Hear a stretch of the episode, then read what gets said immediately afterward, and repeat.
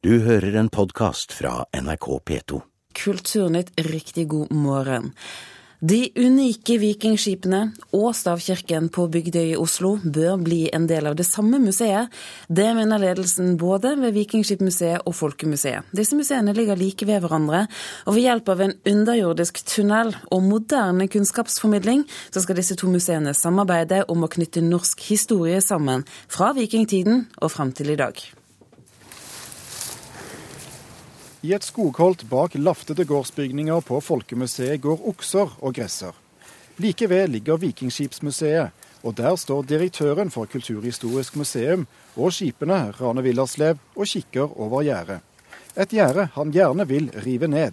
Ja, det vil jeg gjerne, fordi jeg mener at nå når vikingskipene med innmad blir her på Bygdøy, så er det helt naturlig at vi blir nødt til å bygge en formidlingsmessig overgang mellom de to museer. Det er på tide å få i stand et slags norsk historisk museum, der publikum endelig kan få oppleve en komplett norgeshistorie fra vikingtiden og frem til vår egen tid. Noe av det der mangler øh, herude, det er jo f.eks. en reise mellom de hedenske skibe og den kristne stavkirke.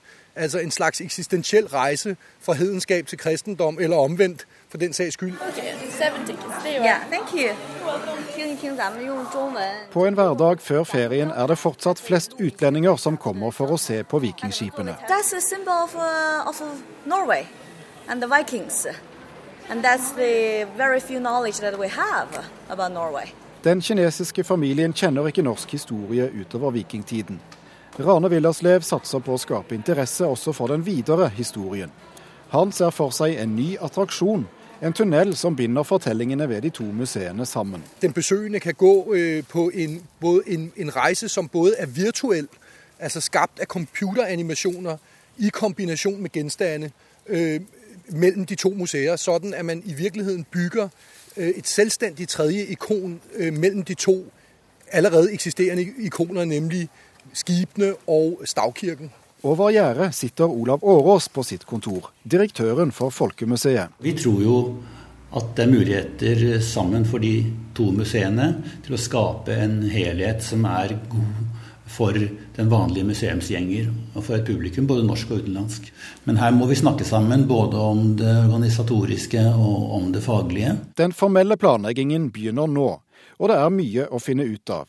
De to direktørene er enige om at det ikke skal være en sammenslåing, men et tett samarbeid, som kanskje bør fremstå som én opplevelse for publikum. Olav Årås tror uansett samarbeidet vil berike begge parter. Det betyr at, at vikingtiden ikke blir en sånn isolert periode i historien, men det blir del av en større historie. Og likeledes at vi får en, en veldig tydelig bakgrunn for våre samlinger. Etter et par timer forlater atter en turistbuss Vikingskipene. Rane Villerslev håper at de skal greie å skape et museumsanlegg som gir både turister og osloborgere lyst til å bruke hele dagen her ute. Simpelthen et sted hvor folk kan komme og få opplevelser, kvalitetsopplevelser, øh, spise godt, nyte det skjønne naturmiljøet med familien og, øh, og ha hatt en god opplevelse. Det er simpelthen det det handler om. Det sa direktøren for Vikingskipene og Kulturhistorisk museum, Ronne Villaslev, Reporter, det var Thomas Alverstein Ove. Agnes Moxnes, du er kulturkommentator her i NRK. Hva synes du om disse planene? Det vi ser her, er jo konturene av eh, noe av det største og kanskje, eh, vil jeg si, mest attraktive museumsprosjektet vi har sett i Norge på lang tid. Eh, disse to museene ligger jo rygg mot rygg på Bygdøy, men alle de som bor på Bygdøy og hadde håpet at det nå skulle bli rolige tider med at eh, vikingskipmuseene skulle flyttes ut av Bygdøy, de må nå se en ny eh, tidsalder frist i møte. fordi at dette blir en, museet, en museumssammenslåing som henvender seg til ja, tre kvart million mennesker. Dette blir, sier du, er det realistiske planer? Ja, jeg vil si at dette er sjødyktige planer. Eh, eh, gjennomførbare, rett og slett. Fordi at det tar utgangspunkt i de eh, museene som allerede er der, og som, som er på plass. Mens de planene som vi liksom nå har fulgt veldig nøye de siste 15 årene om å bygge et stort sammenslått kulturhistorisk museum i Bjørvika, hvor vikingskipene skulle være en del av det store, nye museet, det er, har møtt stoppere på stoppere på stoppere, og endte jo opp nå med denne eh, ekspertgruppen som la ned kom med en rapport nå i eh, vår som sa at man kan ikke flytte skip og gjenstander mer enn høyst nødvendige centimeter. Og så spår du et eventuelt veldig høyt publikumstall. Altså, hva er det med interessen for akkurat vikingskip og stavkirker? Vikingskipmuseet har vært et trekkplaster siden det ble åpnet. Og, og universitetet har tjent godt med penger på dette museet, uten at de har gjort særlig mye for å passe på det og oppjustere det. Det var jo en av årsakene da man ønsket seg et nytt museum, var jo altså få en helt moderne formidling. Eh, men eh, det som, eh, som Men altså, vi, vi så i går, da, da Osebergskipet ble sjøsatt i Tønsberg. 20 000 mennesker satt, sto der og fulgte sjøsettingen. Og en av grunnene til det er jo at skipet, i Tønsberg er blitt bygget ute sommer og vinter. Folk har stått der i klær som de mener er omtrent de samme som de hadde. Brukt de redskapene de hadde for å bygge skip den gangen. Et veldig formidlingsmorsomt eh, tiltak, og som da selvfølgelig får veldig mye oppmerksomhet. Vi er opptatt av vikingskipene våre og vikingtiden. Da kan man jo nesten begynne å lure på hvorfor man ikke har kommet på denne sammenslåingsideen før? Ja, og det er jo et veldig godt eh, spørsmål, og det sier vel noe om at hvis man gjør, tar avgjørelser på et litt for tidlig tidspunkt, så stopper det den kreative tenkningen. Det er kommet en mann til Norge, en danske, som heter Rane Villerslev. Han ble ansatt som ny direktør på Kulturhistorisk museum i april i fjor, og begynte i jobben i høst. Og det han gjorde, var at han Gikk rundt, så seg om. Hva er det man har? Hvilke muligheter er i, den, i de museene som allerede er der, og den bygningsmassen som allerede er der? Eh, samtidig kom jo denne eh, ekspertrapporten. Sånn at han har nok også banket på døra til nabomuseet, Folkemuseet, og sagt hva kan vi gjøre sammen? Eh, det har vært møter mellom han og altså Rane Villerslev og Olav Årås, men også tror jeg Riksantikvaren har vært blandet inn i disse møtene. sånn at her er det rett og slett slik at noen har snakket sammen, eh, og nå begynner vi å se resultatene av det. Agnes Moxnes, takk for at du var med oss her i Kulturnytt. Ledelsen i Skipsted-konsernet vurderer å åpne opp for såkalt sponset journalistikk. I en ny innsparingsplan foreslår Skipsted at avisene i større grad skal akseptere at sponsorer finansierer journalistikk, skriver Dagens Næringsliv. Denne spareplanen gjelder Skipsted-avisene Aftenposten, Bergens Tidende, Fedrelandsvennen og Stavanger Aftenblad. Maria Mena ble i går tildelt Edvard-prisen for albumet 'Victoria'. Hun fikk prisen i kategorien populærmusikk, og juryen mener at Mena står frem som en voksen, markant skikkelse i norsk musikkliv.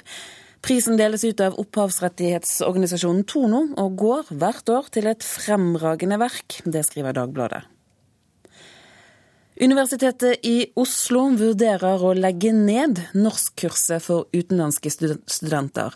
Dermed så kan viktig kompetanse forsvinne ut av landet, det frykter Fremskrittspartiet. En av dem som har tatt kurset, er 21 år gamle Kristina Devotsjko fra Russland. Halshugge, uh, forbrytelse, forræderi vil ikke Jeg vil ikke huske. Ukrainsk-russiske Kristina Devortsjko har akkurat skrevet en oppgave om dødsstraff, og lært en del ord hun ikke helt vet om hun har lyst til å huske. Hun er en av de omtrent 60 internasjonale studentene som årlig går på norskkurs ved Universitetet i Oslo.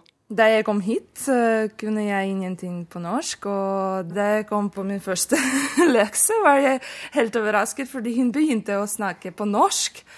Og herregud, jeg forstår ingenting, hva må jeg gjøre? Så hun, hun sa nei, nei, nei, jeg, jeg, kan ikke engelsk, jeg kan ikke an, mm, andre språk, så jeg kan bare norsk. Nå begynner resultatene å høres etter ni måneder med språktrening. I går to nordmenn sa til meg at jeg kommer fra Nord-Norge. Jeg sa ja, nesten. I dag skal Universitetet i Oslo bestemme seg for om de vil legge ned det obligatoriske norskkurset for utenlandske studenter. Det kan i første omgang bety at de som vil studere på bachelornivå, på egen hånd må sørge for å oppnå de påkrevde norskkunnskapene. Samtidig som de vurderer å fjerne norskkurset, vurderer universitetet også om mer av undervisningen skal gå på engelsk. For det første er vi i Fremskrittspartiet opptatt av at utdanningsinstitusjonene skal ha akademisk frihet, og står jo sjøl fritt til å bestemme hvilke studietilbud de skal tilby. Men samtidig må vi være klar på at det skal også gjøres prioriteringer. Mette Hanekam Haug er skolepolitisk talsperson i Fremskrittspartiet. Hun er bekymret for at studenter som ikke lærer seg norsk, lettere kan komme til å flytte ut av landet etter eller underveis i studiene. Det er viktig å få utenlandske studenter til å studere i Norge pga. kompetansen de innehar, og det er viktig å få dem til å faktisk ville bli etter endt studier. Og Da er det også viktig at man tilbyr norskkurs som øker eh, muligheten for nettopp det. Men i Kristina Devorskos tilfelle er det mye som taler for at hun vil bli boende i Norge. Egentlig fordi jeg liker meg her veldig, veldig godt. Så ja jeg, jeg har lyst til å gjøre det. Reporter, det var Ina Strøm, og Universitetet i Oslo ønsker ikke å kommentere saken før den er ferdig behandlet i rektoratets møte nå i ettermiddag. Du lytter til Nyhetsmorgen i NRK P2 og Alltid nyheter. Klokken er 8.16. Hovedsaker i dag er at de aller fleste nordmenn mener at Anders Behring Breivik bør dømmes til fengselsstraff. Høyretopper sier at de ikke vil ha en ren Høyre-regjering. og blir med oss videre i Kulturnytt. Vi skal til Tromsø, der en av verdens største samtidskunstnere stiller ut nå i sommer. Men eh, først nå så skal vi til Russland.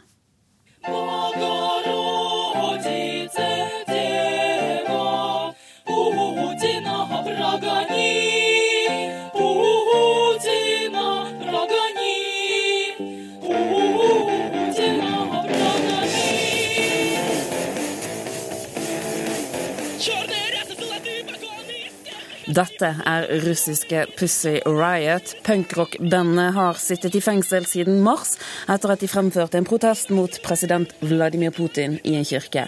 I går så ble varetektsfengslingen forlenget med en måned, til protester fra fans som hadde møtt opp rett utenfor retten i Moskva. Martin Paulsen, du er postdoktor i russisk ved Universitetet i Bergen. Pussy Riot har markert seg som svært Putin-kritiske ved flere anledninger. Men altså, akkurat denne opptredenen i kirken, hvorfor ble de fengslet etter akkurat den? Det har å gjøre med at uh Russland har blitt mer og mer eh, religiøs eh, etter eh, Sovjetunionens sammenbrudd. Sånn at det som de gjorde, ble oppfatta som blasfemisk, spesielt i, i kirkekretser. Og vakt derfor et voldsomt harme blant veldig mange russere. Men, men hva var det disse punkrockerne egentlig prøvde å oppnå?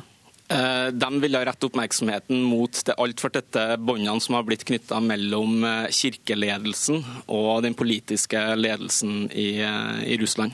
Hva slags bånd da?